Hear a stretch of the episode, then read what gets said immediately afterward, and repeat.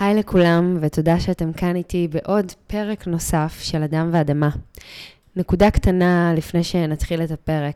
הפרק הזה זו הפעם הראשונה שאני מקליטה לבד עם ציוד משלי. זה מרגש אותי גם כי עד עכשיו באמת נעזרתי באולפנים, וזה גבה גם איזושהי תלות מסוימת וגם אה, מחיר כלכלי מסוים, אפרופו פרק על כסף, והרגשתי שאני יכולה ואפילו בשלה ללצאת לשלב הזה של אה, אה, להיות זאת שאחראית על הכל, גם לערוך, גם להקליט. אז הנה, זה קורה. אז אני רוצה להגיד באותה נשימה שזו הפעם הראשונה בעצם שהקלטתי פרק לבד עם מיקרופונים משלי וכרטיס קול, דברים שמעולם לא היה לי מושג מה הם, והנה זה קורה בפרק הזה. אז יכול להיות שלפרקים האיכות של השמע לא תהיה מספיק טובה. אז אני מזמינה גם אותי uh, לחבק את הראשוניות, וגם אתכם uh, להצליח אולי רגע, ברגעים שהסאונד עוד כזה טיפה חורק, אז uh, אולי להצליח להתמקד uh, בתוכן. וזהו, אז שתהיה לכם האזנה סופר נעימה ומלמדת, וזאת אולי גם אחלה הזדמנות לציין שאם אתם אוהבים את מה שקורה כאן ומוצאים ערך בפרקים, אז תפיצו ותעזרו לי להעביר את זה הלאה למי שזה עלול לתת גם לו איזשהו ערך נוסף. שיהיה לכם אחלה האזנה. היי לכולם, אני רוני אוחנה ואתם מאזינים ומאזינות לפרק ה-12 של אדם ואדמה. לא מעט יוצא לי לערער לאחרונה על מערכת היחסים שלי מול כסף. אני מוצאת שלא מעט רגשות שליליים לוקחים חלק במסע הזה. פעם חשבתי שלרצות להרוויח הרבה כסף זה לא רוחני ולא צנוע, אז בשם הרוחניות נמנעתי מהצורך הזה. לאט לאט אני מבינה שערך עצמי גבוה מגיע מכל כך הרבה היבטים בחיינו, ולדעת מה הערך הכלכלי שלי, מה מגיע לי וכמה אני שווה, זה חלק בלתי נפרד מזה. בפרק הקרוב אני מארחת את גיא אלחדד, גיא הוא יזם אימפקט וקיימות, מאמן עסקי ומלווה תהליכי התפתחות מבוססים חוכמת הגוף, נשימה, שיטת סאטיה, מיינדפולנס ועוד. מעביר סדנאות וריטריטים בנושא מערכות יחסים, תקשורת בריאה והעצמה אישית. והיום אנחנו הולכים לדבר על כסף. אז תהנו מלא ותספרו לנו איך היה.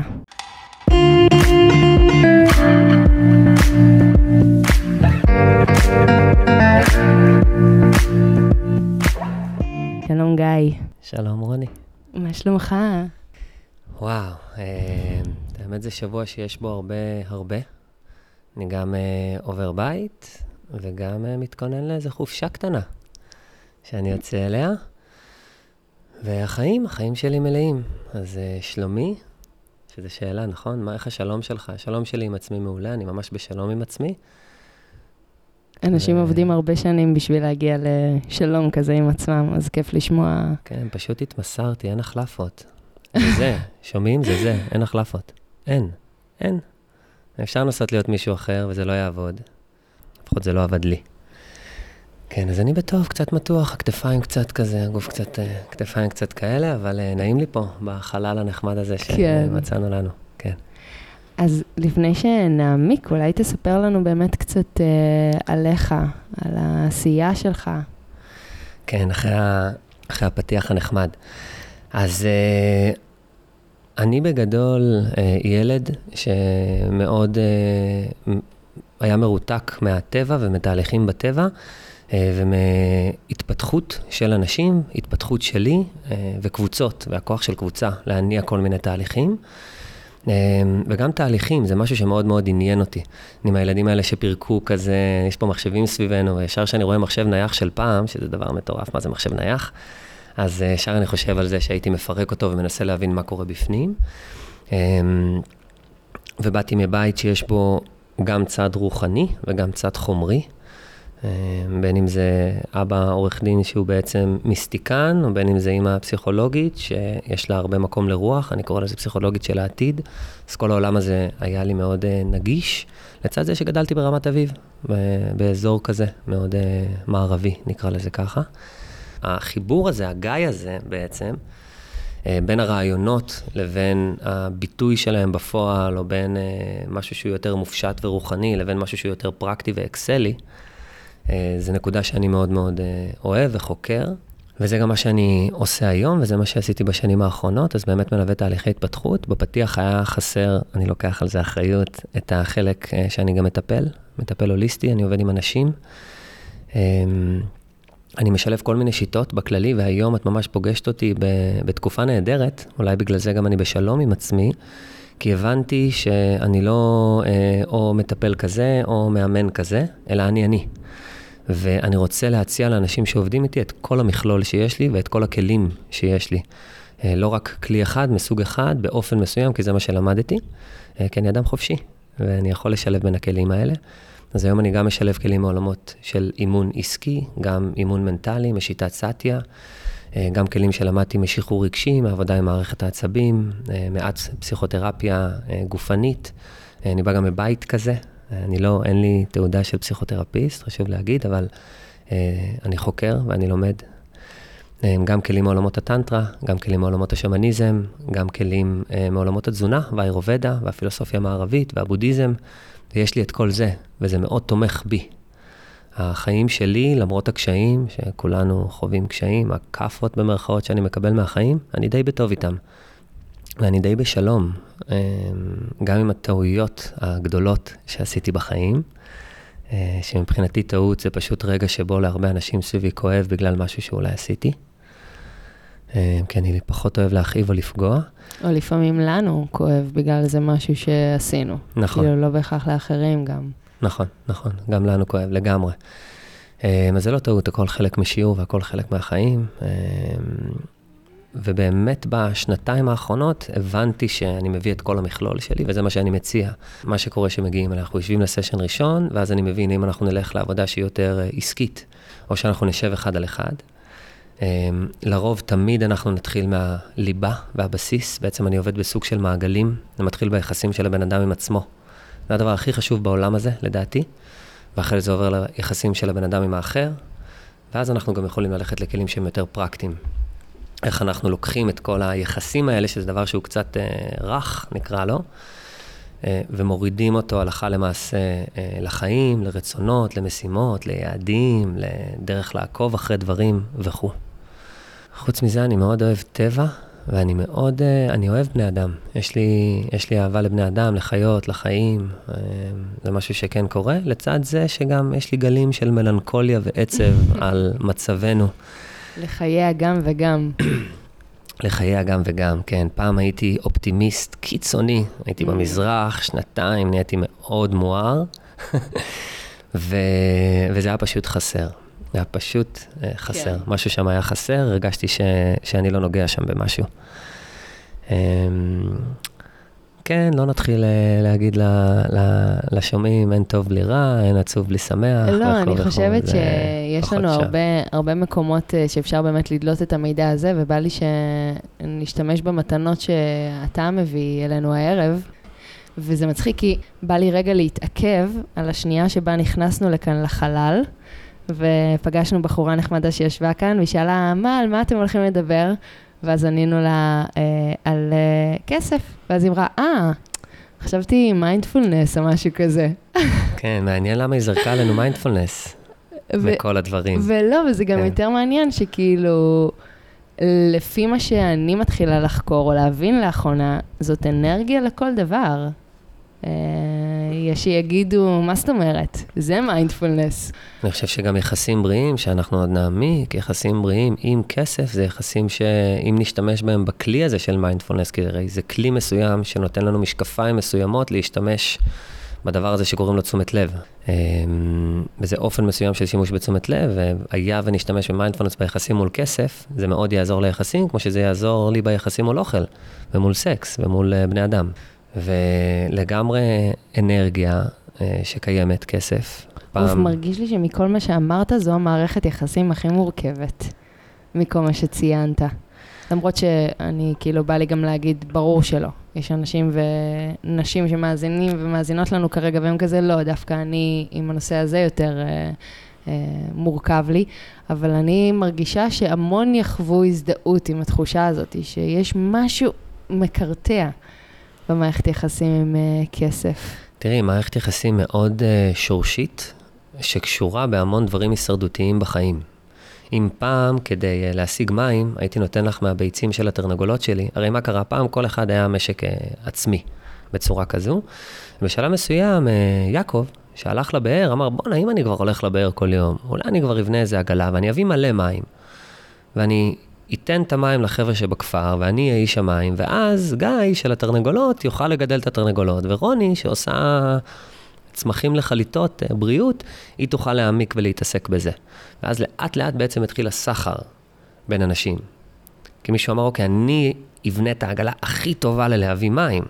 והוא בנה באמת את העגלה הכי טובה, והוא התחיל להביא כמויות של מים, ואז רוני התחיל לייצר יותר צמחים, גיא התחיל לדאוג ליותר תרנגולות, ואז בעצם התחלנו לייצר את הסחר הזה בינינו. וכסף קשור בהגנה, קשור בתחושת אה, ביטחון, קשור בתזונה, קשור במעמד, קשור ביכולת, בהנאה, בלעשות דברים. ויותר מזה בעולם של היום, אה, עולם אה, שעובר שטיפת מוח מתמדת. אני קורא לזה קונספירציית הוליווד, אבל זה בעצם כל המדיה. אחד הדברים שמחנכים אותנו זה שכסף הוא מה שקובע האם אנחנו עשר או שבע או ארבע או שתיים. כן. לצורך העניין. אם בבית ספר זה היה ציונים, אז כשאתה יוצא מבית ספר זה הופך להיות באמת אה, כמה אתה מרוויח. בדיוק, וזה גם מאוד מעניין שציונים הם מספריים. לא אומרים לך, היה אחלה, או טוב מאוד. בהתחלה זה מתחיל ציונים רכים יותר, נכון? טוב, טוב מאוד, נננה, ואז זה הופך להיות למספרים. בעצם ההכנה עוד מתחילה שם. הכנת הדירוג, הדירוג האנושי. כן. כן. אה, והמערכת יחסים הזו באמת מאוד מאוד שורשית ורוחבית. היא קשורה בעצם גם ביחסים שלי עם אוכל, וגם ביחסים שלי עם מין, וגם ביחסים שלי עם, עם כל דבר בעצם, כי כסף היום אה, זה משהו שמניע תהליכים ודברים. וגם אם נלך לקהילה איפשהו, אה, שלא משתמשת בכסף, אלא בערך, גם שם יהיה את האנרגיה הזו, פשוט לא יקראו לה כסף. אולי יקראו לה זמן, אולי יקראו לה השקעה, אולי יקראו לה תשומת לב. אבל הסחר האנרגטי הזה בין בני אדם, שנותן לנו משאבים חומריים, זה משהו שקיים. כן. בכל מקום. אני מרגישה שהרבה יותר רגשות שליליים מטובים מחוברים ל, ל, לאנרגיה הזאת. עולה לי, אתה יודע, בושה, עולות בי הרבה, הרבה, הרבה תחושות כאלה, שהן דווקא יותר לכיוון השלילי, mm. מאשר, וואו, איזה מדהים זה. כן, אז אני אבוא ואגיד שיש אנשים שוואו, איזה מדהים זה עבורם, כסף. זה אתגר, זה מערכת יחסים נהדרת ורומנטית, שהם נעים איתה ורוקדים איתה. אמ, אני יכול להגיד על עצמי שאני יוצא, אני בעצם בתחילת הרומן, אמ, הממש טוב שלי עם כסף. כי מה? כי עבדתי על זה. הפגשתי את הנושאים שקשורים לכסף, תהליכי ההתפתחות שלי. וראיתי מה עומד מאחוריהם. לצורך העניין, אני רוצה לטוס לאנשהו, ואני לא מצליח להגיע ליעד שאני רוצה להגיע אליו. אוקיי, ומאותה נקודה, מהסוגיה הזו, אנחנו יכולים לצלול מאוד מאוד לעומק ולגלות שבסופו של דבר, הקושי הוא הקושי שלי בביטוי, שבכלל קשור לזה שהייתי ילד עם המון המון אנרגיה, ושכל פעם שהוא ביטא את האנרגיה, אמרו לו תנמיך. משהו שגם עשו אה, ועושים עדיין בעולם. אומרים לנו כל הזמן להנמיך, לא להרגיש, פחות להרגיש. אה, למרות שהיום אנחנו גם באיזה רנסאנס של זה. ומתוך העבודה על הביטוי האישי שלי שאמרו לי להנמיך, הבנתי שיש לי שם איזה קושי.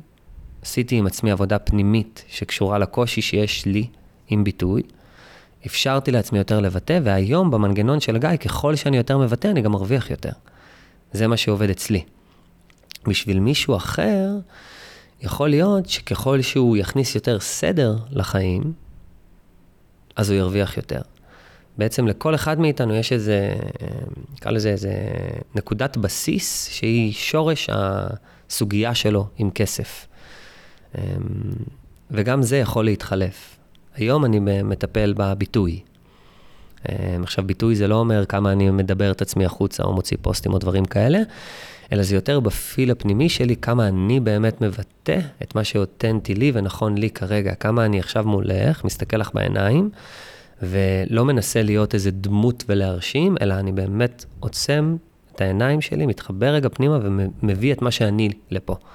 ולא איזה משהו שאני צריך להיות, משהו שעשיתי הרבה. למדתי ייעוץ עסקי פיננסי באוניברסיטה, הייתי צריך להיות יועץ עסקי, לעשות תוכניות עסקיות, לייצר אסטרטגיות שיווקיות, היה לי מנטור, הוא אמר לי תגבה ככה וככה, והקשבתי, כמו שכולנו מקשיבים, ואני לא אוהב לעשות תוכניות עסקיות. זה מסמך ארוך של 25 עמודים שעולה מלא כסף, שלדעתי גם היום אין לו כל כך טעם, כי הכל כל הזמן משתנה. אז הבנתי שמה שאני אוהב לעשות זה מודלים דינמיים. מודלים שכל הזמן משתנים, והם בעצם כלים שאנחנו יכולים להשתמש בהם כדי לנהל את עצמנו כלכלית יותר נכון. אז זה איזה תהליך שאני עשיתי מלרצות להיות מישהו, ולא להבין למה אני עובר דרכי הרבה כסף, לא נשאר אצלי הרבה כסף, ההבדל בין להכניס לבין להרוויח, הבדל מאוד מאוד חשוב. וואו, אני נמצאת על התפר הזה שם. כן, הרבה אנשים מגיעים אליי ואומרים, וואו, תשמע, יש לי עסק, אנחנו עושים מחזורים של 500 אלף שקל, ואני לא נשאר עם שקל, אני מכניס 10,000 שקל הביתה. כן, לא, אני לא, לא במחזורים האלה, אבל אני מאוד יכולה להזדהות עם התחושה שכאילו, אני רק, אני מהווה רק איזשהו צינור. ו... ואז פה אני אשאל אותך איפה, באיזה עוד מקומות את מרגישה שאת מהווה אה, רק צינור. Mm. וואו, מעניין. כן, אני חושבת שאני יכולה למצוא את עצמי קצת אה, באיזה... ב over נתינה לפעמים, mm-hmm. שכאילו, בלי, בלי לשים את הגבולות uh, לעצמי. אז יש פה שיחה בעצם על גבולות ועל over נתינה, שהרי over uh, נתינה, אני, אני אזדהה עם זה, גם אני שם. Um, בעצם, מה קרה? אמרנו שנדבר על זה גם קצת. אנחנו נולדים לעולם הזה, אפילו עוד לפני שאנחנו נולדים, אנחנו הופכים uh, זרע וביצית, ולאט לאט מתחילים להתגבש בבטן. ואז קורים סביבנו כל מיני דברים. בעצם אנחנו הופכים מאיזה נשמה קוסמית, לא יודע, כל אחד מה שהוא מאמין, choose your... Uh, your uh, ואז אנחנו עוברים לתוך גוף, ומתחילים לקרות סביבנו כל מיני דברים שמתחילים לעצב אותנו, והשנים הראשונות הן הכי הכי מעצבות אותנו. ולאורך השנים האלה יש כל מיני חוויות, וחלק מהחוויות האלה הן חוויות קשות מנשוא. לצורך העניין, שאני תינוק בידיים של אימא שלי והאבא צועק בטירוף, אני חש סכנה. עכשיו, אם אני בידיים של אימא שלי, יש לי מי שיעזור לי לווסת את זה. בעצם בחוויות האלה, אם מישהו עוזר לנו לווסת את החוויה, אז אנחנו מווסתים אותה. עכשיו, למי שלא מבין מה זה ויסות, יש לנו במערכת העצבים חשמל, ממש חשמל, להסתכל לגוף כמו מערכת מכנית. וברגע שיש סכנה, יש המון המון חשמל בגוף שהולך לאזורים של סכנה. וברגע שעוזרים לנו לווסת את זה, עוזרים לנו להרגיע חזרה את הגוף. זה אומר את הדופק, את רמת החשמל מתדר שהוא כזה זזז, ממש חזק, למשהו שהוא יותר... כאילו קצת להוריד את האדרנלין. בדיוק, אם אנחנו נראה גל חד כזה, שעולה ויורד עם פינות חדות, למשהו יותר גלי. בדיוק, לעבור מהסימפתטית לפרסימפתטית. אני לא יודע אם דיברו פה mm-hmm. על שתי המערכות האלה. מערכת של סכנה, שאני צריך לנהל את הסכנה כי יש נמר בחדר, fight, flight or freeze, או למערכת הפרסימפתטית, שבעצם מרגיעה אותנו ומביאה אותנו ל-rest and digest.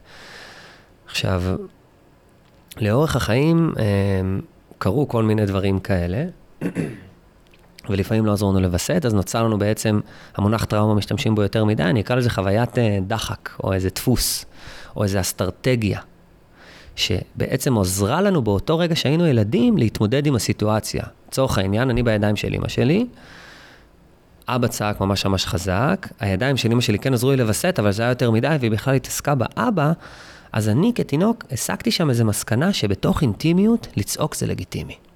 להגיע לתדרים האלה זה דבר לגיטימי. זה מה שנצרב לי אשכרה בקשרים במוח. ואז להמשך החיים, יהיה לי את המסקנה הזו, עד שיום אחד אני אגיע לאיזה תהליך ואני אתהה עליה, רגע, למה לצעוק? למה אני צועק בכלל? למה זה מרגיש לי כל כך בנוח לצעוק?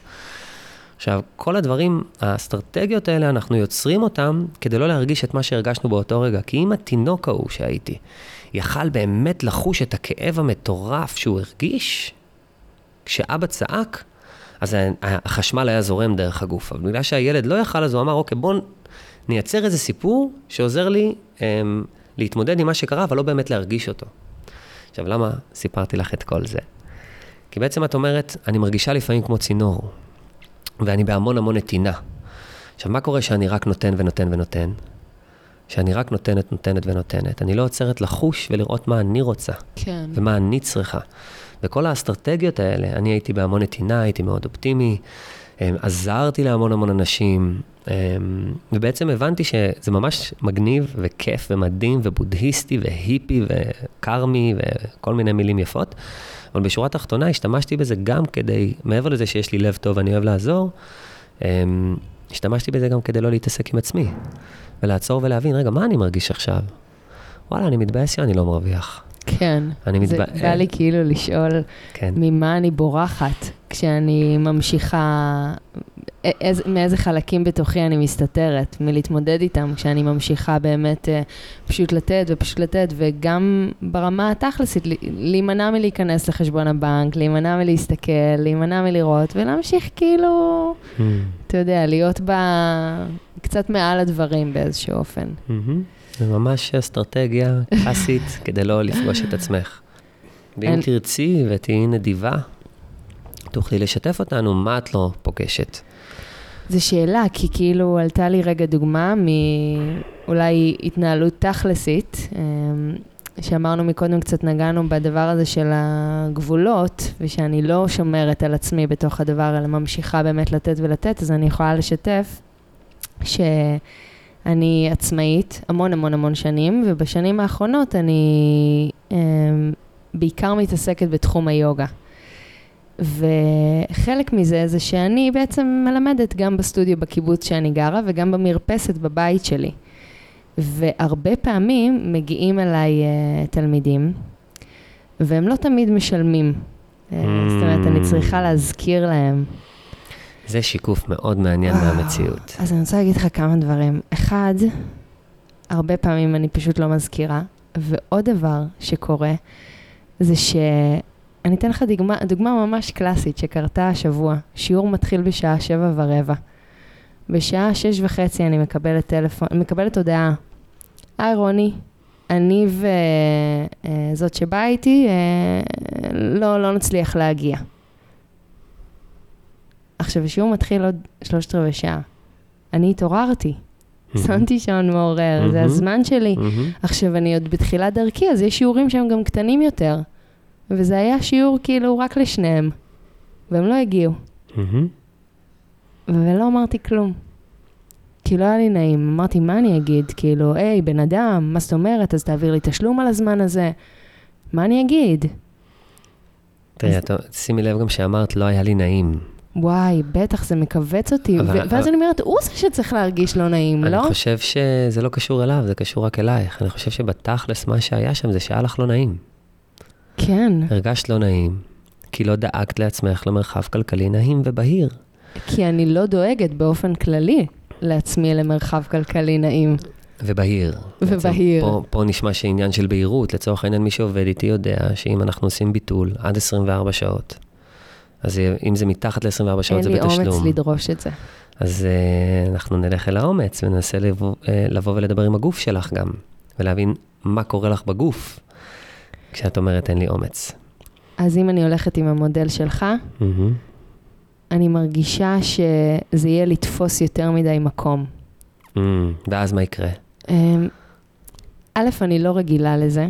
זה, זה, אוקיי, אני, זה אפילו יחזיר אותי לפתיח של אני ילדת טבע, מאז שנולדתי, וכאילו, אני מאוד עבדתי קשה לשמור על המקום הזה בתור ילדה, כי, אוקיי, זה...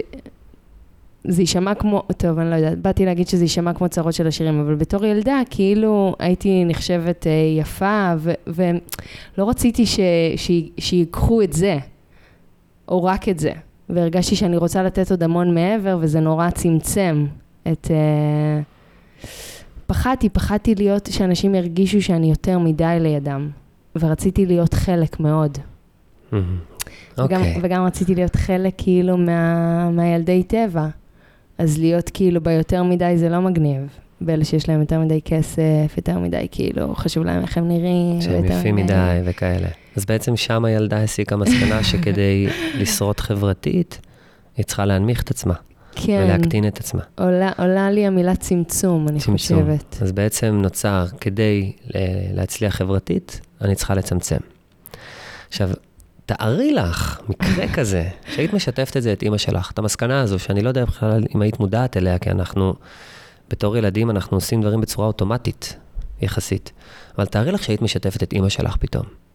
אומרת לה, אימא, אני נראה לי מרגישה שכדי להיות מקובל, כאילו להיות אחת מהחבר'ה, אני צריכה, אה, אני צריכה לצמצם את עצמי.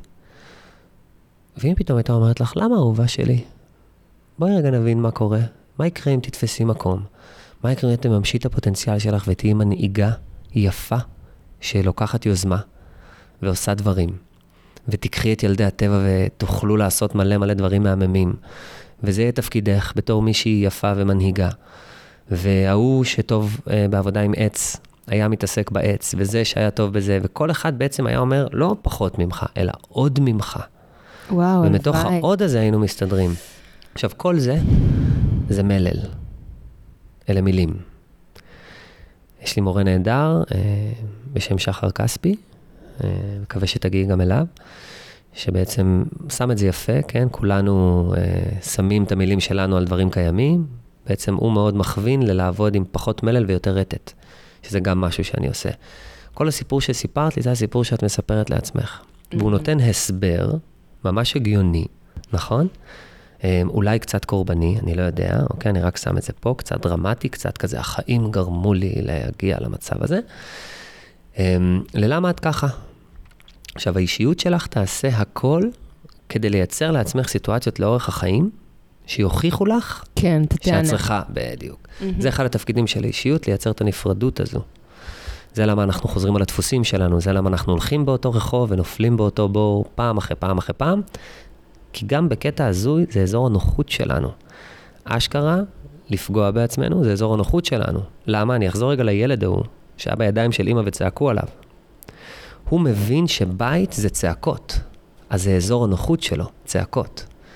את מבינה שסיטואציה חברתית זה צמצום, וזה אזור הנוחות שלך, כי ככה גדלת, וזה מה שאת מכירה.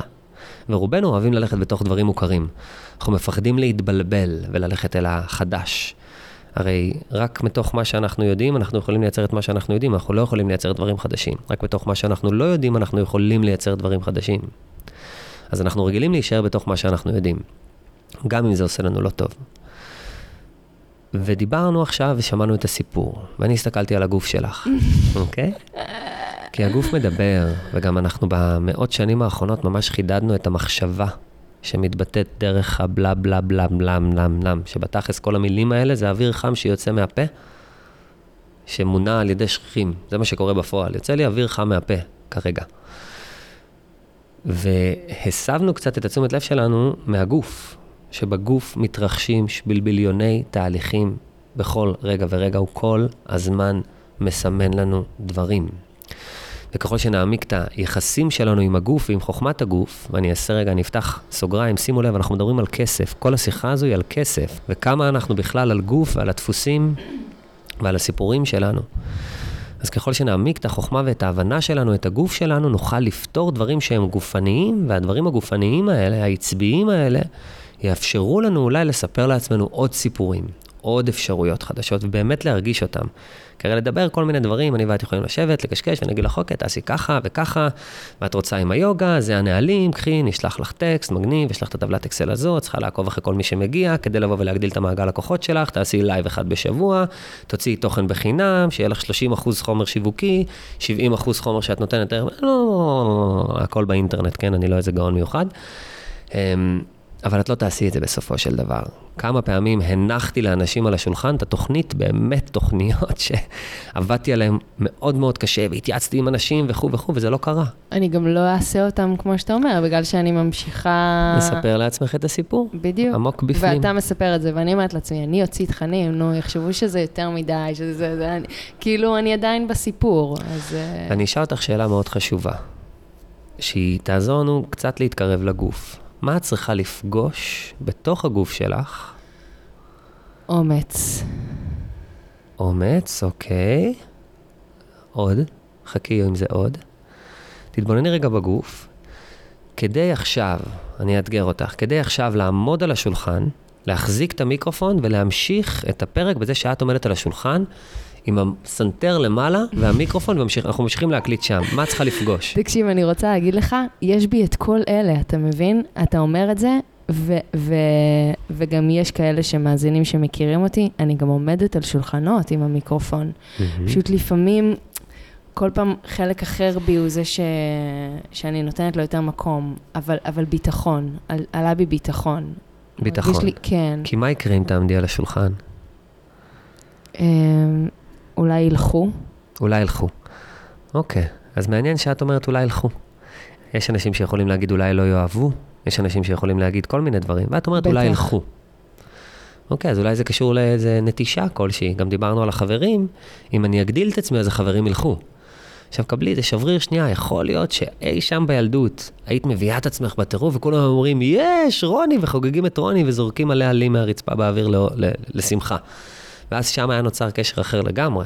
אבל שם נוצר לך קשר משום מה, ואנחנו נבין אותו, היה וניכנס לתהליך עמוק, איך לעזאזל הסקת את המסקנה שאני צריכה לצמצם את עצמי כדי שיקבלו אותי חברתית.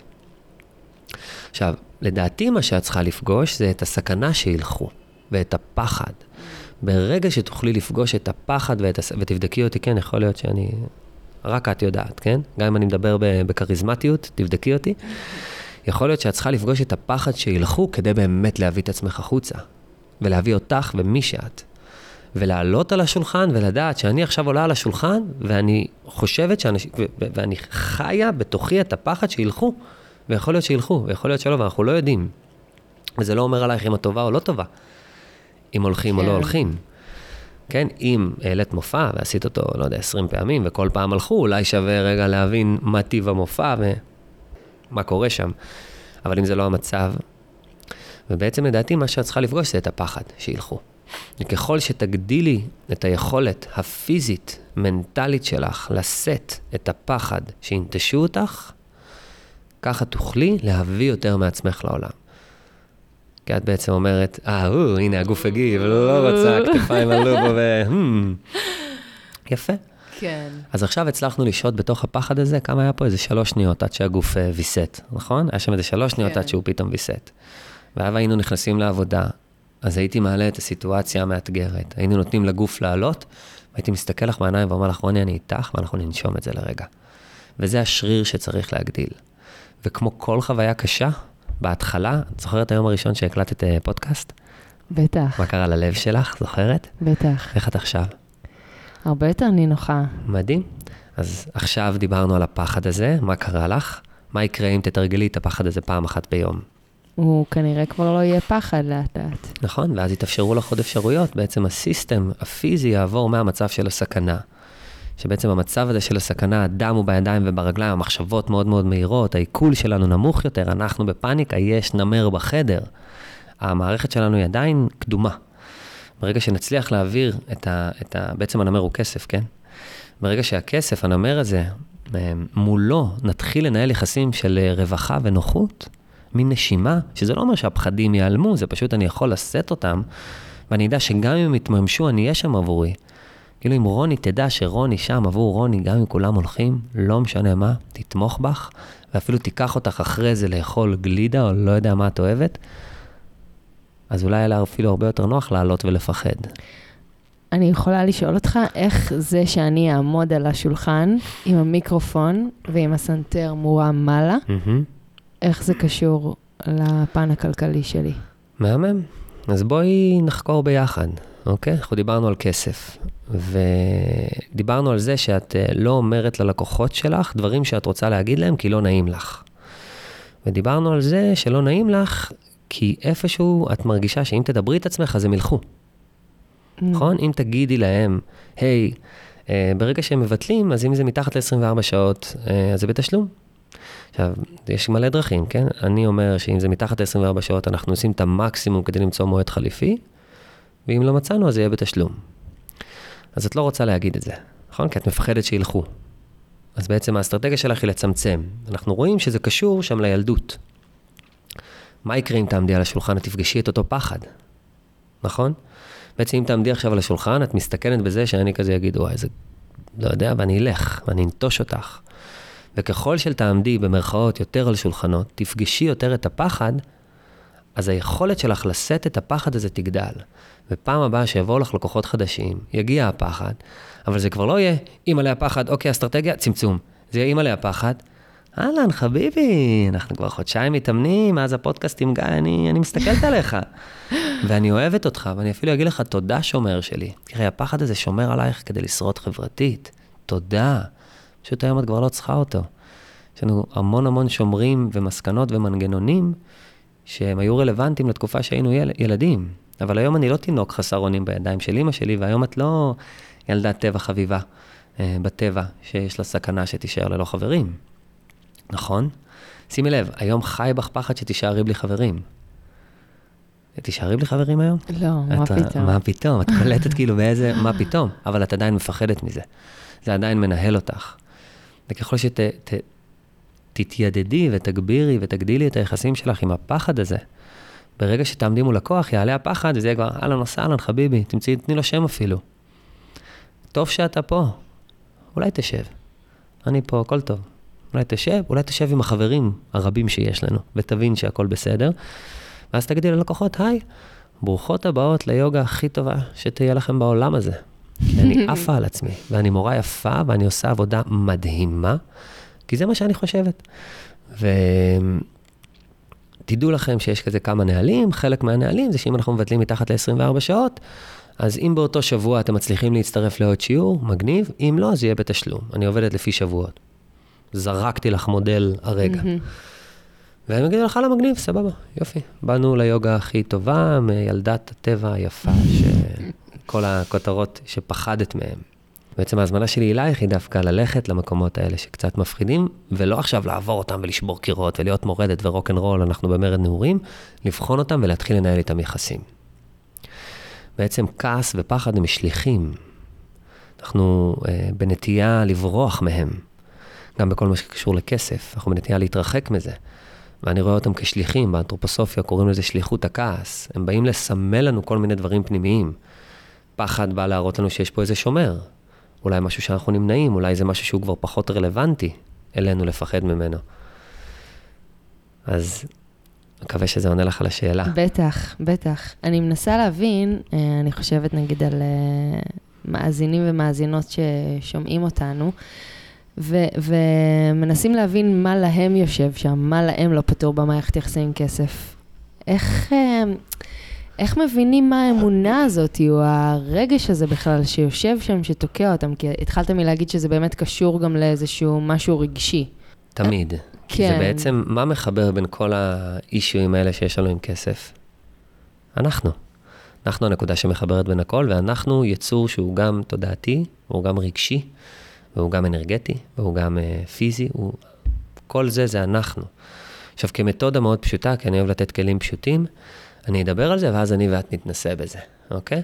וחשוב להגיד שזה גם אין פה פתרון פלא. זה לא שעכשיו נגלה מה יושב לי מול כסף, וזהו, פתרתי את זה לכל החיים. זה כל הזמן משתנה. העבודה שאנחנו רוצים לעשות, זה לחזק את השריר שעוזר לנו לפתח יחסים עם עצמנו כל הזמן. להקשיב, להבין מה קורה, לראות מתח חשמלי, לפרוק אותו, מתוך הפורקן והרוגע, לראות איזה עוד אפשרויות חדשות יש ולהתנסות בהן. לדאוג שאנחנו עושים את כל התהליך הזה כשיש לנו גם בסיס טוב, מה שקוראים לו חוף מבטחים, איזה מקום שאנחנו נוכל לחזור אליו היה ונכשלנו. אם אני יוצא לחקור ואין לי לאן לחזור, נכשלתי, אז אני אהיה שם גלמוד עם הכישלון שלי, אבל אם אני דואג לעצמי ויודע שיש לי מקום טוב לחזור אליו, חבר טוב, משפחה טובה, משהו כזה שהוא הבסיס, הוא החוף מבטחים שלי, ואני יוצא עכשיו לחקור אפשרות חדשה עם כסף, הולך להיות רוני, אה, יוגה לילדי טבע מאוד מאוד יפים, שעומדים על שולחנות. הזוי, לא? יכול להיות שזה ייכשל. אבל אני יוצאת עכשיו לחקור את זה, כי יכול להיות שיש איזה צורך בשוק, וטוב מאוד לצאת ולחקור את זה כשאני יודע שיש לנו חוף מבטחים. אז העבודה היא להעלות נושא שיש לנו עם כסף, איזו סוגיה, משהו שיושב לנו לא נוח בגוף. עכשיו, כל מי שאומר, אני לא יודע, אתם יודעים. ואם זה לא מגיע, תיקחו עוד זמן לשבת ולהתבונן ולחשוב. ולחוש. אוקיי? אז okay. בשלב אוקיי. הראשון אנחנו יושבים okay. אוקיי. ועושים את הדבר הבא. מכניסים אוויר, מוציאים אותו עם איזה קול טוב, ולרגע נרגעים. כי כשאני בפאניקה ורעש, אני לא יודע אם אפשר בכלל לחשוב או להבין מה קורה. ומתוך הרוגע הזאת, אני מביא איזו סוגיה על כסף, שיש לי, אני רוצה אוטו, אין לי, יש לי, כל מיני דברים, ואני מתבונן בגוף, ואני רואה מה קורה לי בגוף באותו רגע. אז אני אקח נגיד אה, יעד כלכלי שאני רוצה להגיע אליו, ואני רואה שאל מול היעד הזה, אני שם לב, הנה רק דיברתי, והכתפיים שלי, זזז, משהו בהם כזה בחשמל, קצת התכווץ. אני נשאר רגע עם התחושה הזו. ואני מנסה רגע להבין למה היא מתחברת לי, מה זה התחושה הזו? אז התחושה הזו מתחברת לי לאיזה פחד, לאיזה מתח, לאיזה חרדה, בסיפור שלי, כל אחד זה אחרת. אוקיי? כל אחד צריך להבין איפה זה אצלו. יש אנשים שתחושה של חום בגוף יכולה להיות אה, אהבה, ויש אנשים שתחושה של חום בגוף יכולה להיות כעס. אז כל אחד מבין מה המנגנון האישי שלו, אז אני מרגיש את הכתפיים שלי כזה עולות, אוקיי, יש פה איזה פחד, איזה חרדה. אז אני אומר, אוקיי, מול יעד שאני רוצה להשיג, הכתפיים שלי עולות, אני פוגש פה איזה פחד וחרדה. עכשיו, למה בכלל יש לי פחד וחרדה מול יעדים? אז אני חוזר רגע אחורה ומנסה להבין, מתי הסקתי את המסקנה שמול יעד, הדרך לנהל ולהגיע אל היעד היא בפחד וחרדה. כי אם אני רוצה להגיע ליעד ועולה בי פחד וחרדה, כנראה הסקתי איזה מסקנה שזה הדרך. את הסקת מסקנה כדי שכדי להיות אה, חברתית, את צריכה לצמצם את עצמך. ואז אני חוזר אחורה ואני, הופה, פתאום אני מבין, רגע, בבית של ההורים שלי היו כל מיני יעדים כלכליים, והדרך הייתה איזו תקופה בגיל צעיר, הדרך לדבר בכלל על כסף הייתה באיזו חרדה מסוימת. לא היה כזה, אה, יש לנו אוברדרפט כזה, אנחנו מכניסים ככה כסף, ואם נכניס ככה כסף ונוציא ככה כסף, אז אנחנו נרוויח, ותוך אה, שישה חודשים נצליח. לרוב זה נושא שלא מדברים עליו בכלל. נכון, נכון. והוא יוצא, הוא כן יוצא, והוא יוצא ב passive aggressive, הוא יוצא בהמון המון דרכים, כי האנרגיה נשארת, חבר'ה, אי אפשר להתעלם מכלום, זה לא נעלם. ואז אני מבין שבעצם בבית למדתי את זה, ואז אני חוזר לילד הזה, ואני רואה שהגוף, שהילד הזה למד, הגוף הזה למד להיות בחרדה כדי להגיע ליעד. ומה שאני עושה, אני שוהה בתוך החרדה הזו, ואני פשוט נשאר איתה. ונושם, ונושם, ונושם, ומראה לגוף שלי על ידי נשימות רגועות שאין סכנה. וברגע שאני מתרגל את זה מספיק זמן, ואני מצליח להגיע למצב שהגוף שלי נינוח כשהפחד והחרדה, אני יכול לשאול את עצמי, מה עוד אפשרי לי כדי להגיע ליעד? אולי אני אלך על פרגון והעצמה. או שאני אשאל את עצמי, מה יעזור לי להירגע עם הפחד והחרדה? ואז אני מבין שבבית של ההורים היה בלאגן, לא היה בהיר. אז בעצם בהירות וסדר עוזרים לי. שאגב, המקצוע שלי היום, אחת הסיבות של כל העולם הזה ש- שעסקתי בו, של הייעוץ העסקי הפיננסי והטבלאות והאקסלים, זה כי זה לא היה לי בבית. בחוויה שלי, כן? היה לי גם שיחות עם אימא שלי על זה.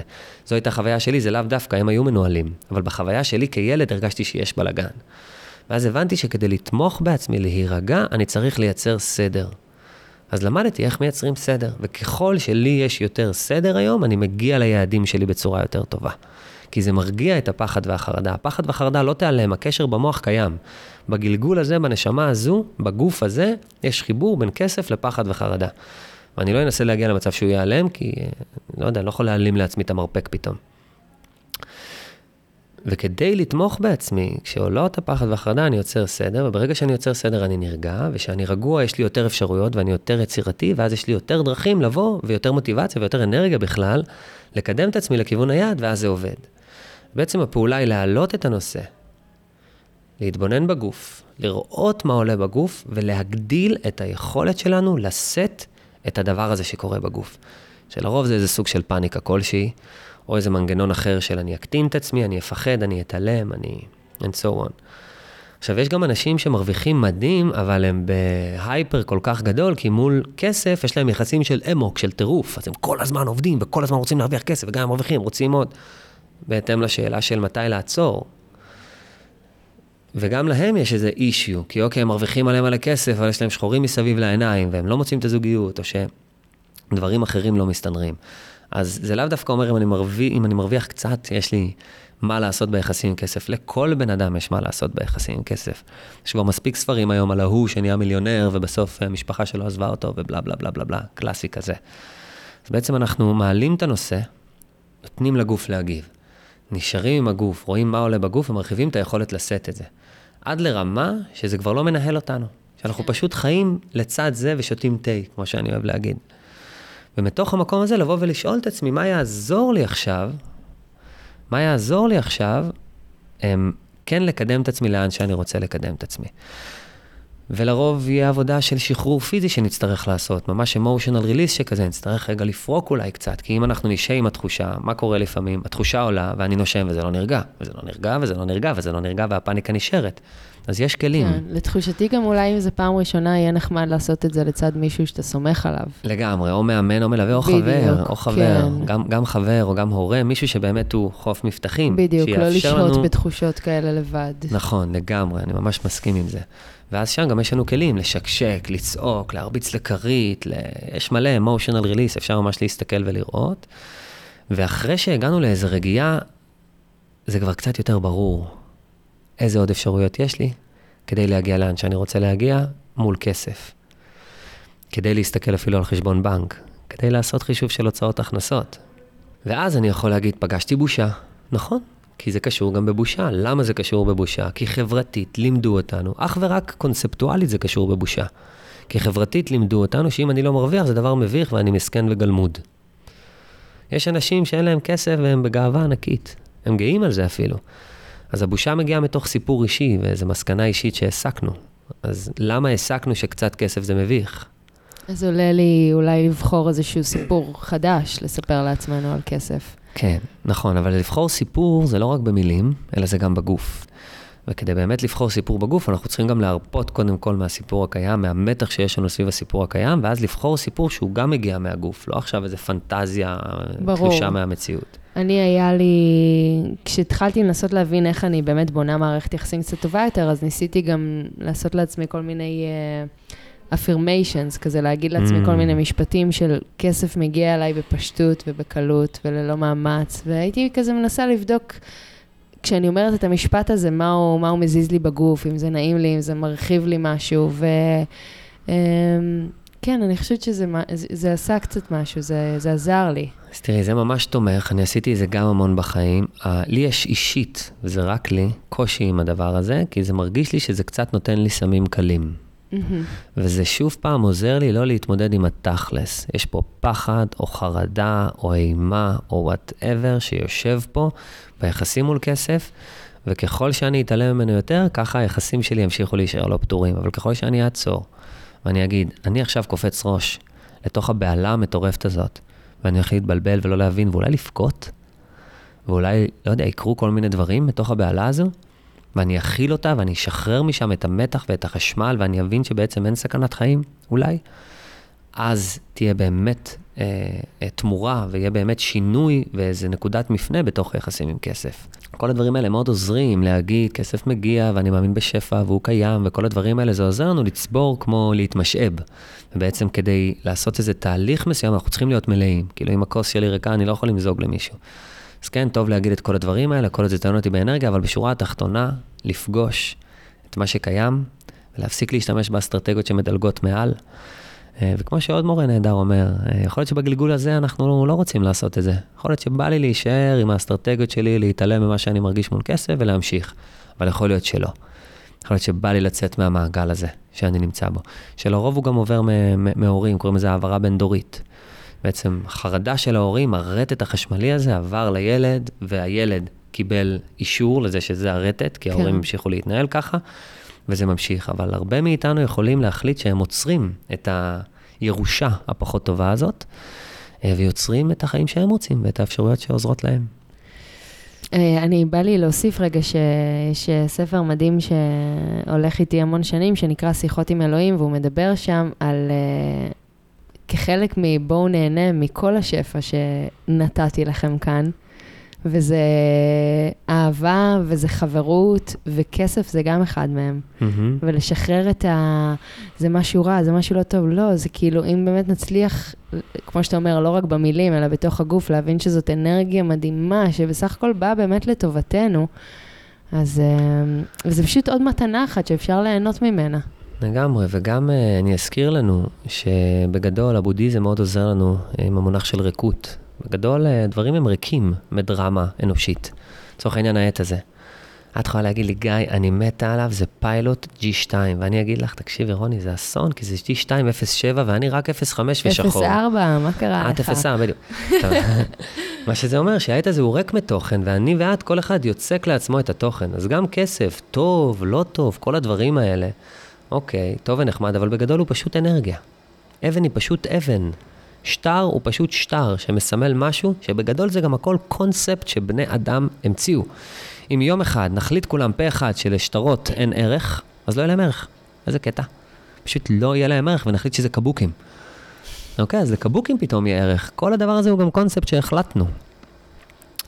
ואני חושב שמתודה טובה, כל עוד היא עוזרת לי להיכנס פנימה ולחזור פנימה. בכל הריטריטים שאני עושה, בכל הסדנאות, בכל התהליכים, עם קבוצות, עם בעלי עסקים, לא משנה מה זה יהיה, אני אעזור לאנשים לחזור פנימה ולפגוש את מי שהם ומה שהם, לרטוט את זה, לראות כמה חופש יש להם שם, הם יכולים לשחרר כדי לייצר עוד חופש ו- ורוגע, ושם לבוא ולהביא את עצמם לידי ביטוי. בעצם להגיש אל, ה- אל, ה- אל הקיום הזה שאנחנו נמצאים בו את מי שאני. שזה מי שאני, מי שאני זה מי שאני. היום ששואלים אותי איך אני אעשה עסק מיוחד, ואיך אני אבדל את עצמי וכו' וכו', אז אני אבוא ואגיד, תראה, מה הדבר הכי מיוחד שכרגע יש לך בעולם? אותך. כי מתוך תשע מיליארד אנשים, יש רק אחד כמוך. אתם קולטים שיש רק אחד כמוכם ורק אחד כמוך? אתם קולטים את זה? תשע מיליארד זה כל כך הרבה ויש רק אחד כמוך או כמוך. אז ככל שנתחבר יותר פנימה ונבין את התצריף הזה שקוראים לו גיא, או רוני, או מי שאתם, ונביא את זה החוצה, איזה מיוחד זה יהיה. וזה בהמשך לכל הספרים ולכל המתודות שבאמת נגעתי במה שאת יודעת, אני סך הכל בן 30, בזמני הקצר על הכדור, אני הבנתי שמה שעוזר לי לפגוש את עצמי ולהתמודד עם מה שקורה בי, זה משרת אותי. וכל עוד זה עוד איזה סמים קלים, סמים קלים. עוד משהו שייתן לי תחושה טובה, עוד איזה פלסטר שיעזור לי לדלג מעל מה שקורה לי כרגע בתוכי. יס. Yes. יס, yes, כן. Um, מה עוד כתבו לנו? מה עוד כתבו לנו? כבר אני אגיד לך. זה זמן טוב לכולם להתבונן רגע בגוף שלהם ולראות מה קורה אחרי אה, 50 דקות בשיחה על כסף. ואולי אפשר לקחת איזה נשימה ולשחרר, לעשות כזה הנחת זקנים טובה. אה, וקצת לנער את הגוף ופשוט לפרוק את זה. כי זה זה, לשמוע את הפודקאסט הזה שוב ושוב ושוב, וכל שיחה אחרת על כסף, ולנער את הגוף ולשחרר. זו העבודה. שזה הזוי, אני אשכרה אומר לכם, כדי להיות רווחיים יותר, אתם צריכים להעלות נושאים שקשורים לכסף, שמתרגרים אתכם, שמפעילים לכם את הגוף, לשחרר, לרטוט, לצאת, לרוץ, ולתרגל את זה, וזה יגרום לכם להיות רווחיים יותר. כי כשהגוף רגוע, אתם תדעו ללכת ליועץ העסקי הנכון, כי הרי הרבה מאיתנו גם פשוט הלכו לאיזה יועץ עסקי שמישהו המליץ, הוא נתן להם, שילמו 25 אלף שקל לאיזה חברה שעושה מלא מלא וואו. חברה באה ונתנה להם את, ה... נתנה להם את, ה... את התוכנית הנכונה, אבל זה לא עבד. כמה מאיתנו הוציאו כסף על מלא דברים כדי למצוא איזה פתרון קסם וזה לא עבד. כי מה שמחבר בין כל הדברים האלה שלא עובדים זה אנחנו. וכל עוד לא נאפשר לגוף שלנו רווחה ולא הישרדות אל מול כסף, אנחנו לא נצליח לבוא ולייצר רווחה. כן, אני חושבת שנגעת פה במילה הכי נכונה, אה, לפחות עבורי, זה הישרדות. Mm-hmm. אני לא מגיעה מתוך מקום של התפתחות, או מתוך מקום של אה, בהירות אל מול הדבר. יש פה באמת איזושהי הישרדות כלכלית. גם לא עוזרים לנו עם זה, כן? כאילו, כל מה שקורה פה בחוץ, רד נכון. למטה את הכמה מדרגות האלה, אנחנו פה ביפו, בשיא תל אביב, כאילו, הישרדות. הישרדות. וגם, זה הסיפור שאת מספרת. אוקיי? את אחראית לחיים שלך, וכל מי שמקשיב, אני כזה, אני מאמין שאנחנו אחראים לחיים שלנו. את בוחרת, אחריות היא דבר אה, אה מתוקה ומרה. את בוחרת כן. לספר שמה שקורה בחוץ יוצר בנו הישרדות. באותה מידה אני יכול להגיד שמה שקורה בחוץ כל כך תומך בי ברווחה, כי הוא מראה לי פאניקה, זה עוזר לי להבין מה אני לא רוצה. איזה סיפור נחמד. וואו. כשאני מסתובב בעיר, אני רואה את כולם בקרחנה, זה בעצם עוזר לי להבין את מה אני לא רוצה, אז אני אהיה ברוגע. עוד סיפור נחמד. אתה צודק. uh, כתבה לנו כאן מישהי, איך אני עושה כסף באמת טוב בלי לקרוע את עצמי? אז uh, יקירתנו, נשמע שיש לך מסקנה שכדי להרוויח טוב את צריכה לקרוע את עצמך. ומעניין אותי איפה עוד בחיים את מרגישה שכדי להצליח את צריכה לקרוע את עצמך. ואולי בעצם מה ששווה זה קצת לשנות את המסקנה הזו. להבין איך את יכולה להגיע מ-A ל-B, נגיד והייתי לוקח ממך את היכולת להיקרע. את ב-A ואת רוצה להגיע ל-B. לקחתי ממך את היכולת להיקרע, במה תשתמשי עכשיו? Hmm, מעניין. וואו, מאוד, אני מנסה נכון? לחשוב גם בשבילה.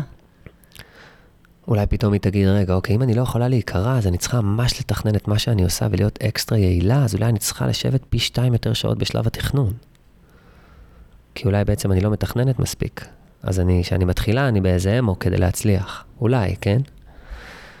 אבל זה ממש מה שיכול לעזור לנו. איך אני יכול להרוויח בלי, mm? נגיד ולקחתי לכם את ה-mm, איך בכל זאת תצליחו להרוויח. וזה ממש קשרים במוח. כדי להגיע לתחושת הרווחתי, אני עובר דרך הקשר שקוראים לו להיקרא ולהתאמץ. אמרתי לכם, סגרתי את הדרך הזו. איך תגיעו עדיין לתחושה הזו? ויכול להיות שזה יעלה תוך רגע, ויכול להיות שזה ייקח כמה זמן כדי להבין. היום זה גם, גם ברמה המחקרית ידוע שאת יודעת, ארבעה ימים בשבוע מעלה את היעילות של מדינות, ארבעה ימי עבודה בשבוע. רואים את המחקרים האלה. לעבוד קשה זה לאו דווקא להרוויח הרבה.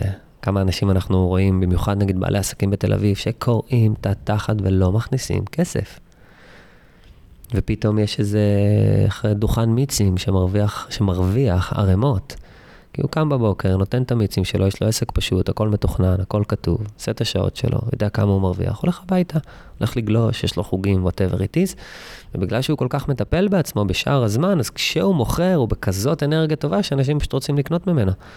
וכשהוא ניגש לדוחות הכלכליים, הוא ב good vibe, כי הוא מנהל יחסים בהירים. ושם דוכן מיצים יכול להרוויח יותר ממסעדה מאוד אה, מפורסמת, היפסטרית ונחמדה בתל אביב. שאלה נוספת, זה איך אני יכולה להצליח כלכלית אם אני גרועה מאוד בניהול uh, כספים? וואו. Uh, הייתי שואל איך היא יודעת שהיא גרועה מאוד. והייתי גם, לשיטתנו, כן, של השיחה הזאת, מגדיל את היכולת להיות עם הפחד מול כסף. כי תראו, בדידי, מה שאני הכי אוהב זה שמוזיקאים אומרים לי, אני לא טוב עם מספרים. חביבי, אתה יושב עם תוכנת הקלטה, Cubase, או Ableton, תוכנה מטורפת, עם מלא ערוצים ופיצ'רים, ו... קוסמוס שלם, אשכרה יוצרים מוזיקה, ואתה אומר לי לשים דברים בטבלה ולהגיד כזה, זה אחד ועוד אחד שווה שתיים, זה לא עובד. ברור שיש פה איזה משהו רגשי. אז איתה הייתי מברר את היחסים שלה מול פחד, ואיפה עוד היא מקטינה את עצמה, כדי שתבין רגע שזה היא החליטה שהיא לא טובה במשהו. ועושה את העבודה הרגשית. ונגיד והיא עשתה את העבודה הרגשית והיא אומרת, תשמע, אני ברווחת עולם, אני פשוט לא טובה בזה. עכשיו, נכון שמישהו... לא, אני יכולה להזדהות עם התחושה הזאת של אקסל, בטח בשביל אמנים, מוזיקאים, כמו שאתה אומר, לפתוח אקסל ולהתחיל לעקוב אחרי הוצאות והכנסות וכל זה. תראי, זה שזה לא מלהיב, אז מה יהפוך את זה להיות מלהיב? אני בתחילת הדרך הייתי שם מוזיקה איטלקית, מוזיקה איטלקית, משום מה, אני לא מבין את השפה, אבל זה עושה לי כזה אווירה... גדול. כיף, הייתי שם מוזיקה איטלקית, מכין את הקפה, מכין את העוגיות ועושה חגיגה, כל פעם שאני עובד על דוחות כלכליים. גם לי זה לא משוש אושרי. משוש אושרי הוא הסדר שיוצא מזה, והנוסחאות וזה, שם אני משתולל. אבל זה גם לא כיף לשבת מול מחשב שעות ולעבור על דוח כלכלי, שאתה מרגיש שאם תפספס איזה משהו אבוי. ולאט לאט הבנתי שאני צריך להפוך את זה למאורע נעים. וגם שאם ישבתי פעם אחת על דוח כלכלי, זה לא מספיק, אני צריך שלוש פעמים מינימום.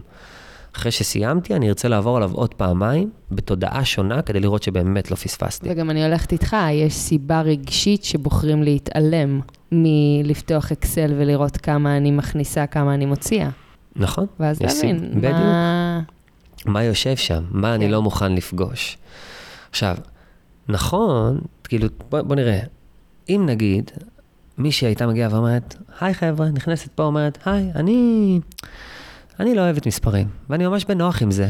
ויש את הבחור, אני משלמת לו 300 שקל בחודש, והוא עושה לי את המספרים. על הכיפאק. פתרון. עכשיו, אם אני בסכנה, ואני בפחד, ואני רק בהלקאה עצמית, שאני לא יודע מספרים, וטה-טה-טה, שבכלל הסיפור פה זה זה שלמדתי שביקורת עצמית זה משהו שעוזר לי לצמוח, כי ביקרו אותי כל החיים. לא יודע למה, זה קורה. שבכלל הסיפור פה הוא לא כסף, הוא על המנגנון של ביקורת עצמית כדי להתקדם. אז אם אני במצב הזה, אני לא אוכל להוציא 300 שקל, או 1,000 שקל אפילו למישהו שיפתור לי את עניין המספרים. אבל אם אני ברווחה, ואני מה זה בנוח עם זה שמספרים, את יודעת מה, יש אנשים טובים, לצורך העניין, אני היום עובד עם רואת חשבון. עד היום לא עבדתי עם רואת חשבון, אפילו שהייתי מורשה. כי אהבתי, אהבתי לנהל ולשלם את המע"מ ולהרגיש שאני עושה את זה, ועבדתי עם תוכנה שריכזה את הכל, וזה נה נה נה נה, אהבתי. היום, אני טוב בזה, אני יכול לעשות את זה, אני יכול לחסוך את ה-700 שקל דו-חודשי הזה. אני יכול, אבל אני לא רוצה. ואני מה זה בכיף עם זה. יש לי רואת חשבון מדהימה, עדי, מגיע לה המון, והיא עושה את זה. ואני כאילו בנופש, איזה כיף לי, ויש אפליקציה, ואני רואה שם את הכל, כמה נכנס, כמה יצא, תענוג. ואני בנוח עם זה, אז אני יודע לבקש עזרה. כן. אני, אני אוהבת לטאטא את זה. אמ, מה עוד את מטאטא בחיים? כן. שאלה אחרונה, כן. מה זה הצלחה בכלל? איך אני יודע אם אני מצליח כלכלית? מהמם. אמ, אה, זה כזה קטע מעניין. ישבתי עם אה, מאות אנשים, ויש אנשים שאומרים לי, אני במינוס, או אין לי כסף. ואז יש שאלה מעניינת, מה זה אומר בשבילך אין לי כסף? אחד יכול להגיד לי, אני במינוס של 50 אלף שקל, אחד יגיד לי, אני במינוס של 400 אלף שקל. אחד יגיד לי, אני במינוס של 400 שקל, כי אף פעם לא הייתי במינוס. החרדה היא אותה חרדה. מה זה הצלחה? זה עניין מאוד סובייקטיבי. יש איזה מחקר שאומר שרווח של מעל 30 אלף שקל, רווח, לא הכנסה, רווח, אוקיי? כדי להרוויח 30 צריך להכניס פחות או יותר בין 40 ל-50, מיסים, עניינים וכו'. אמ, מעל 30 אלף שקל אין שינוי ברווחה של הבן אדם. כאילו, אם אני מתחיל להרוויח מעל 30, 40, 50, 60, 70, פשוט הכסף נערם וזה לא באמת משנה את איכות החיים. עשו מחקר. מחקר אחד, היום אנחנו יודעים שיש מלא מחקרים לכיוון הזה ולכיוון הזה. השאלה היא כזו, מה גורם לי לחוש הצלחה? 10,000 שקל, 20,000 שקל, 30,000 שקל, 100,000 שקל, 50,000 שקל. מעניין. וזה מאוד סובייקטיבי. כמו שמישהו שאל, מתי לעצור? כן, איך נדע... נשמע שיש שם זה בכלל מספיק. שיחה על גבולות. מה מספיק לי? האם אתה יודע מתי לעצור בתחומים אחרים בחיים? נשמע שיש שם פשוט שיחה על גבולות. אם אני לא יודע מתי לעצור, כנראה לא ברורים לי הגבולות שלי. ואז בכלל העבודה היא על גבולות. איך לזהות את הגוף שלי, מתי זה מכווץ אותי או מרחיב אותי, ולבוא ולדבר את זה. מתי אני מוכן לדחוק את הגבול שלי בתוך מרחב מכווץ ומאתגר, ומתי זה כבר מחוץ לגבול שלי. די, זה too much, אני קורס, אני, אני מאבד את זה. אז מתי? כל אחד, כל אחד יודע לענות לעצמו. אני חושב שאנחנו, נגמר כבר עידן הגורואיזם, שיש אדם אחד שיבוא ויגיד לנו, you should do like this, and you should do like this, and this and this, אלא אנחנו הגורו שלנו. אני גם מאמין בזה, כי אף אחד ניסו, ניסו להגיד לי מה לעשות בחיים, אבל לא הצליחו. אמ, אני מאמין שאני יודע מה טוב לי, אני יודע מה מדויק לי, בקצב שלי, בשפה שלי, באופן שבו זה נכון לי. וגם אני אדע כל הזמן להיות קשוב ולהבין מה עכשיו, ומה יהיה עכשיו של עוד חודש, ומה יהיה עכשיו של עוד שנה. אני יכול להגיד לך שלפני חמש שנים, כשהייתי עמוק ביזמות, אה, 5,000 שקל בחודש הספיק לי. 5,000. כי לא, אני פחות פעם מסעדות ובלהוציא, הספיק לי. היום, איפה זה? זה, זה רחוק ממה שאני רוצה. אה, היום אני במקום אחר לגמרי, פי 3-4 מהדבר הזה. אז, אז יש לי שאלה לסיום. מהמם. אז אם אנחנו רוצים, ואני מניחה שרוב מי ששומע אותנו רוצה להגדיל את ההכנסה הכלכלית שלו, מאיפה? מאיפה? מאיפה מתחילים? מאיפה מתחילים? אז מתחילים היחסים שלי עם עצמי והיחסים עם כסף. זה הבסיס. ברגע שהצלחנו להגיע למצב של רווחה ביחסים עם כסף, רווחה זה אומר שברגע שמביאים אליי סוגיות כלכליות, חשבון בנק, מס הכנסה, ביטוח לאומי, לנשום, רוני? זה הרגע, באמת, זה, זו העבודה. בדיוק. אה, תודה, את מייצגת פה משהו חשוב. אז חשבון בנק, מס הכנסה, ביטוח לאומי, פנסיה, קרן השתלמות, מינוף, השקעות, מודל כלכלי של העסק שלי, תמחורים, ברגע ש... לנשום עוד. אה, ראית איך אני הנשימה? פשוט אה, מתכווצת כאן בזמן שגיא... אה, את מתכווצת ואת גם מתאמנת. ביכולת שלך. אני מתאמנת כאן, אני כן. לא יודעת מי אמר מתכווצת. אז ברגע שמביאים אלינו את הנושאים האלה ואנחנו ברווחה יחסית, אז אפשר להתחיל להבין אה, אינטלקטואלית, טכנית, מה צריך לעשות. ומתוך הרווחה, אם אני אדע שיש לי כישורים שיווקיים, אז אני אלך ואני אשווק את עצמי. ואני אתנסה ואטעה ואתנסה ואטעה, ואני אהיה שם חומל ואוהב עבור עצמי, וגם כשאני אכעס על עצמי ואבקר את עצמי, אני אגיד, אוי, נו, זה שוב פעם 200 הדפוסים שלך שלמדת מאימא, לא נורא. ואני אוהב את עצמי על זה, אז אני אוכל ללמוד ולהתפתח, נכון? כמו כל דבר בחיים. או שאני אדע ללכת ולעשות outsource ולקנות את השירותים האלה, או שאני אדע להיכנס לגוגל ולאינטרנט, או שאני אלך לגיא, או שאני אלך לטריליארדי יועצים אחרים, שזה מה שהם אוהבים לעשות. אז איך אנחנו מתחילים עם הגוף ויוצרים רווחה? זה לדעתי הבסיס. אחרי שיצרנו רווחה, להתחיל להבין פרקטית, מעשית, מה אנחנו צריכים כדי לגרום לעצמנו להרוויח יותר. אולי בכלל הבעיה היא שמה שאנחנו עושים גורם לנו לדיכאון, אז אנחנו בחוסר מוטיבציה, אז בואו נחליף מקצוע. אולי בכלל, ה... אולי בכלל העניין הוא שאנחנו נשים לב שמתוך הרוגע שלנו, שאין לנו מושג כמה אנחנו מכניסים ומוציאים. ויש שם גם מלא אפליקציות, יש את ה-RiseUp ו-Wallet ו-Pocket ו-Money, whatever it is. יכול להיות שאנחנו בכלל צריכים להשתמך באיזה אפליקציה. ומתוך רווחה אנחנו נוכל להתבונן פנימה ולהבין מה אנחנו צריכים. וממש לדמיין כאילו אנחנו, ובזה אני אסיים, הילדים של עצמנו. אם הילד שהוא אני רק צועק, אה, קשה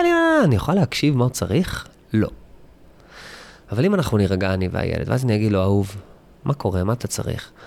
הוא יגיד לי, וואלה, הטיקט של המכנס משגע אותי, וזה כל היום מעצבן אותי, ואני לא מצליח להוריד את זה. וזה פשוט גורם לי להיות עצבני, ואני אוריד לו את הטיקט.